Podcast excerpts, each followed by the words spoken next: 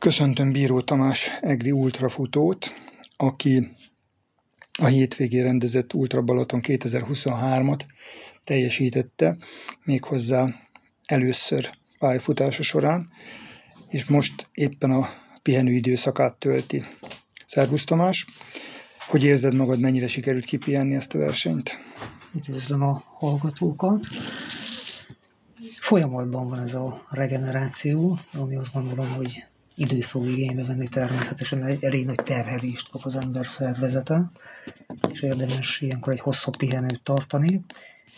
A terveim szerint a májusi hónap az teljesen a pihenésről fog szó, nyilván alkalomszerűen előfordulhat bizonyos jellegű mozgás, futás is akár.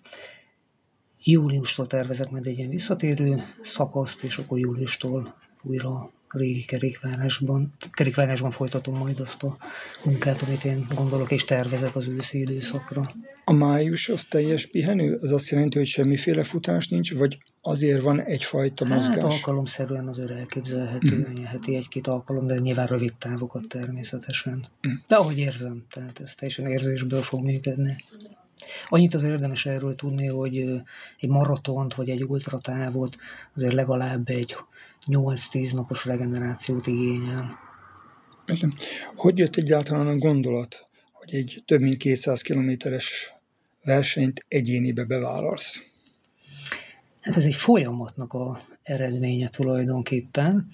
Ugye maga ez a verseny úgy működik, hogy egyéniben, illetve 2-től 13 fős csapatokban lehet teljesíteni. Alapvetően májusban kerül, mindig május első hétvégén kerül megrendezésre.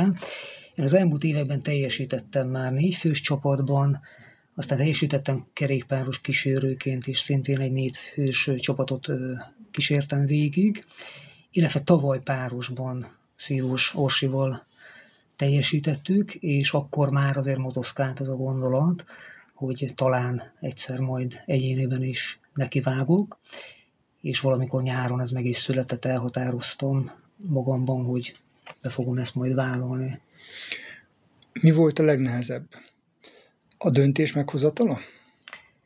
Azt gondolom, hogy igen, ez egy nagyon fontos kulcskérdés, hogy az embernek legyen bátorsága ahhoz, hogy ezt a döntést megmerje hozni. Ez sokáig nem is volt egy publikus történet, de akkor én azért már belül éreztem, hogy ennek tényleg neki fogok komolyan feküdni, illetve bizonyos dolgokat el is kezdtem már.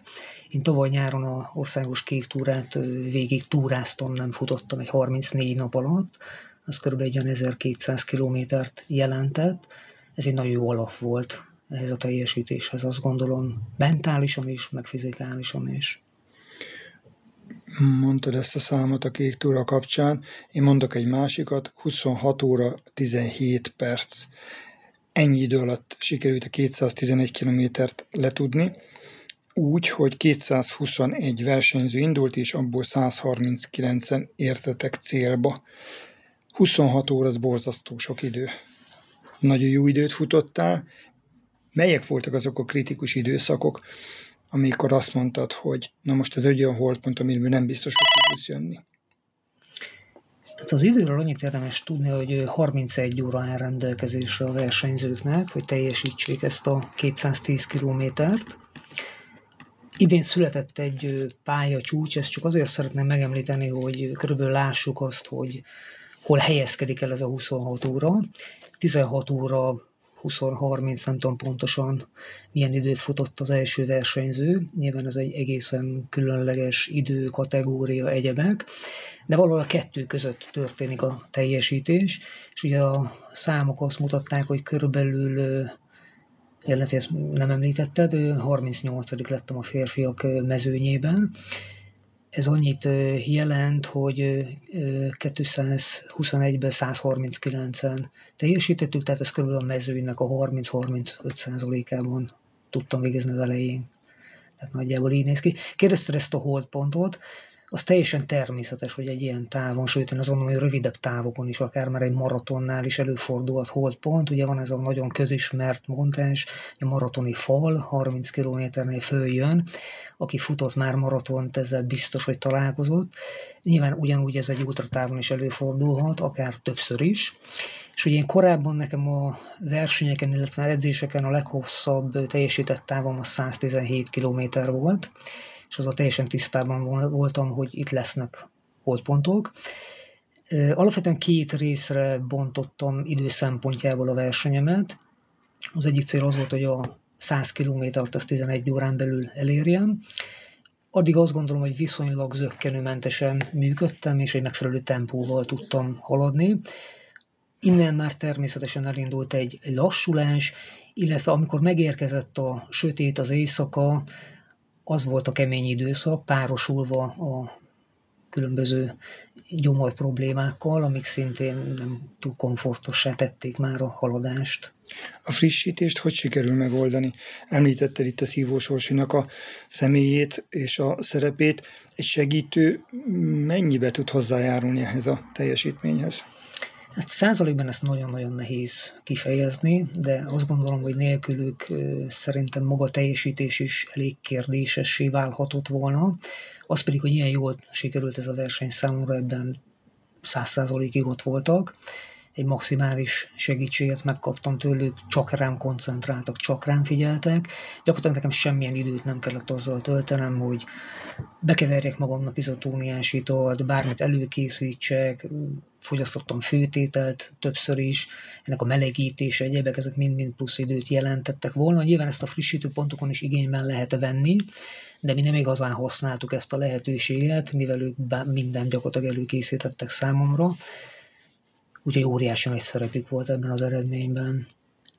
Ha egy kicsit visszább tekintünk, akkor adja magát, vagy adhatja magát a kérdés, hogy mióta futsz, mert azt azért róla tudni kell, vagy illik, hogy futbalistaként, ha nem is kezdted, de sokáig futballoztál, és akkor itt a csapatok nevét is említsük meg, Bükszék, Egerbocs, Demien, Heves Aranyos, és a legutolsó klub az MLS adott bank szerint Noszvaj volt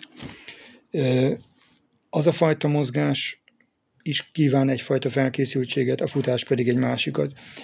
Mi döntött a futás mellett? A kor, az időbeosztás, egyéb? Ugye én gyerekként itt egri vagyok, itt nőttem föl, itt is kezdtem el futballozni az egeresében, és gyakorlatilag végigjártam a szamár létrát, egy nagyon-nagyon klassz generáció, nagyon sok barát, nagyon sok, itt együtt nőttünk föl nagyon sok mindenkivel, nem voltam annyira tehetséges, mint a többiek, így magasabb szinten nem tudtam megragadni, csak az említett alacsonyabb osztályú csapatokban játszottam, illetve folyamatosan kispályán is mozogtam. Aztán, ahogy említetted, teltek az évek, és annyi motivációt, örömet már nem találtam a játékban. Közben én futottam már félmaratonokat, ugye a foci mellett, az még nyilván kényelmesen bele tudott férni, és 2017-ben futottam egy maratont, gyakorlatilag onnantól elkezdve indultam el abba az irányba, hogy egyre hosszabb távokat futottam, egyre jobban belemélyedtem a futásba, egyre több időt fordítottam erre, és ezzel párhuzamosan, vagy ez, ez mellett a foci az szép folyamatosan kezdett leépülni. Először a nagypályát hagytam abba, később pedig a kispálya is azért maradt abba, mert túl sok energia, munka lett már befektetve a futásba, és sérülésektől, egyéb dolgoktól tartva inkább ez háttérbe került, de természetesen hiányzik, úgyhogy most ez terve is van véve, hogy egy picit azért mozgunk majd kis pályán. Mi a cél a futásba, vagy az út maga a cél? Igen, ez egy kicsit olyan közhelyes mondat, hogy az út maga a cél, de valahol ez tényleg így van, és én ezt februárban fogalmaztam meg egy baráti társaságban, hogy már most megérte felkészülni erre a versenyre, és bármi történik a Balatonnál, mert nyilván egy ilyen távon nagyon sok minden történhet, már érdemes volt edzeni, dolgozni, tenni érte. A Molinón azt szerepelt, az Ultra Balaton 2023 Molinóján, hogy csak egyszer érsz. Ez volt a jelmondat. Igen, igen. Ez mit jelent számodra? Mit adott? Megmondom őszintén, ez nekem egy kicsikét ez nem annyira az UV szellemiségét hozta számomra, tehát ettől nem voltam annyira hanyattesve, mint esetleg egy, egy, egy ilyen Instagram barátabb generáció, tehát nekem ez túl sokat nem adott, túl sokat nem dobott alatba, Uh-huh. Tehát összességében nem ezért csináltad, nem, nem, hogy nem. most az Ultra Balaton egyszer ki legyen pipálva? Nem, nem, nem. Hát ami a fő motivációm egyébként, erről szintén sok mindenkivel beszélgettünk már, hogy miért csinálja az ember, vagy miért fut még hosszabb távokat, egyebek. Ugye alapvetően két irány lehet a futásban, vagy az ember gyorsabban próbál futni bizonyos távon, amiben szintén nagyon sok kihívás lehet, vagy a másik irány, hogy elindul a hosszabb távok irányában. Ami nálam fontos szempont volt, hogy én úgy érzem, hogy a határaimat próbálom keresni, hogy mi az, amire még képes vagyok, és ehhez ez egy óriási nagy mérföldkő volt ez a Ultra Balaton teljesítés. Azt, hogy valaki teljesít egy ilyen távot, a napjának egy bizonyos részét a futással tölti, az azt is jelenti, hogy egy életmódot követ, egy életmód szerint próbál élni. Neked hogy néz ki egy átlagos napod, edzés nappal vegyítve, hiszen az is köztudott, és nyilván sokan ismernek Egerbe, hogy te civilbe kézbesítőként a postán dolgozol több mint 20 éve. Az a fajta ismertség, amit a munkádból kapsz, az jelenkezik-e esetleg a sportbeli megbecsülés terén? Van-e ilyen visszajelzés? Igen, maximálisan ez jelen van a ügyfél, ügyfeleknél, akikkel nagyon jó kapcsolatban vagyok. Sőt, van egy nagyon kedves család, akik vállalkozóként dolgoznak Egerben, egy nagyon közismert üzletet vezetnek a dobótéren, ez a boróbőr, és ők többek között egy anyagi segítséget is biztosítottak számomra a felkészülés során, amiért nagyon hálás vagyok, és ezt köszönöm nekük, ezt a támogatást illetve erkölcsileg természetesen szóba kerül lesz, hogy tudják, mit csinálok, mire készülök, hogy ez maximálisan visszajön. Ugye kérdezted az elején, hogy hogyan néz ki egy nap, hogy ez nagyon fontos dolog, hogy tényleg ez egy életforma, be kell építeni a mindennapokban, ami nem mindig egyszerű dolog. A felkészülés az alapvetően úgy működött nálam, hogy heti szinten hatszor futottam, illetve kettő erősítő edzést használok már hosszú ideje. Egy nagyon kedves barátomhoz járok, aki egy nagyon jó szakember, Kummátyásról van szó, és nagyon fontos a futásnál, hogy ne egy oldalú legyen a terhelés, hanem bizonyos kórizmok, egyéb speciális dolgok meg legyenek erősítve, ami fontos, főleg egy ilyen hosszú távnál. Illetve ez mert még egy heti egy jóga van, ami a relaxálásban, nyújtásban egy óriási nagy segítség, tehát gyakorlatilag kilencszer sportolok, edzek egy héten. Nagyon sokszor úgy működött, hogy heti két alkalommal én munka előtt futottam, ez kb. négy órás indulást jelentett, nagyjából egy 15 kilométeres penzum várt rám, fél hat körül az ember végez, hazamegy, lezuhanyoz, picikét lenyúl, gyorsan reggelizik, elmegy dolgozni, aztán délután még elmegy az edzőterembe, és szintén egy közel másfél órát dolgozik. Túl sok energia ezután már, túl sok mindenre nincs természetesen, mert a következő nap az hasonlóan működik. Ezt. Tehát munkás mindenféleképp ez a dolog, mm. de hogyha az ember tudja azt, hogy mit szeretne elérni, mi a célja, akkor egyértelmű, hogy ezt a energiát be kell fektetni. Idén mi vár rád futás tekintetében? Ugye én alapvetően minden évben két fő célt szoktam meghatározni, egy tavaszi, illetve egy őszi célversenyt.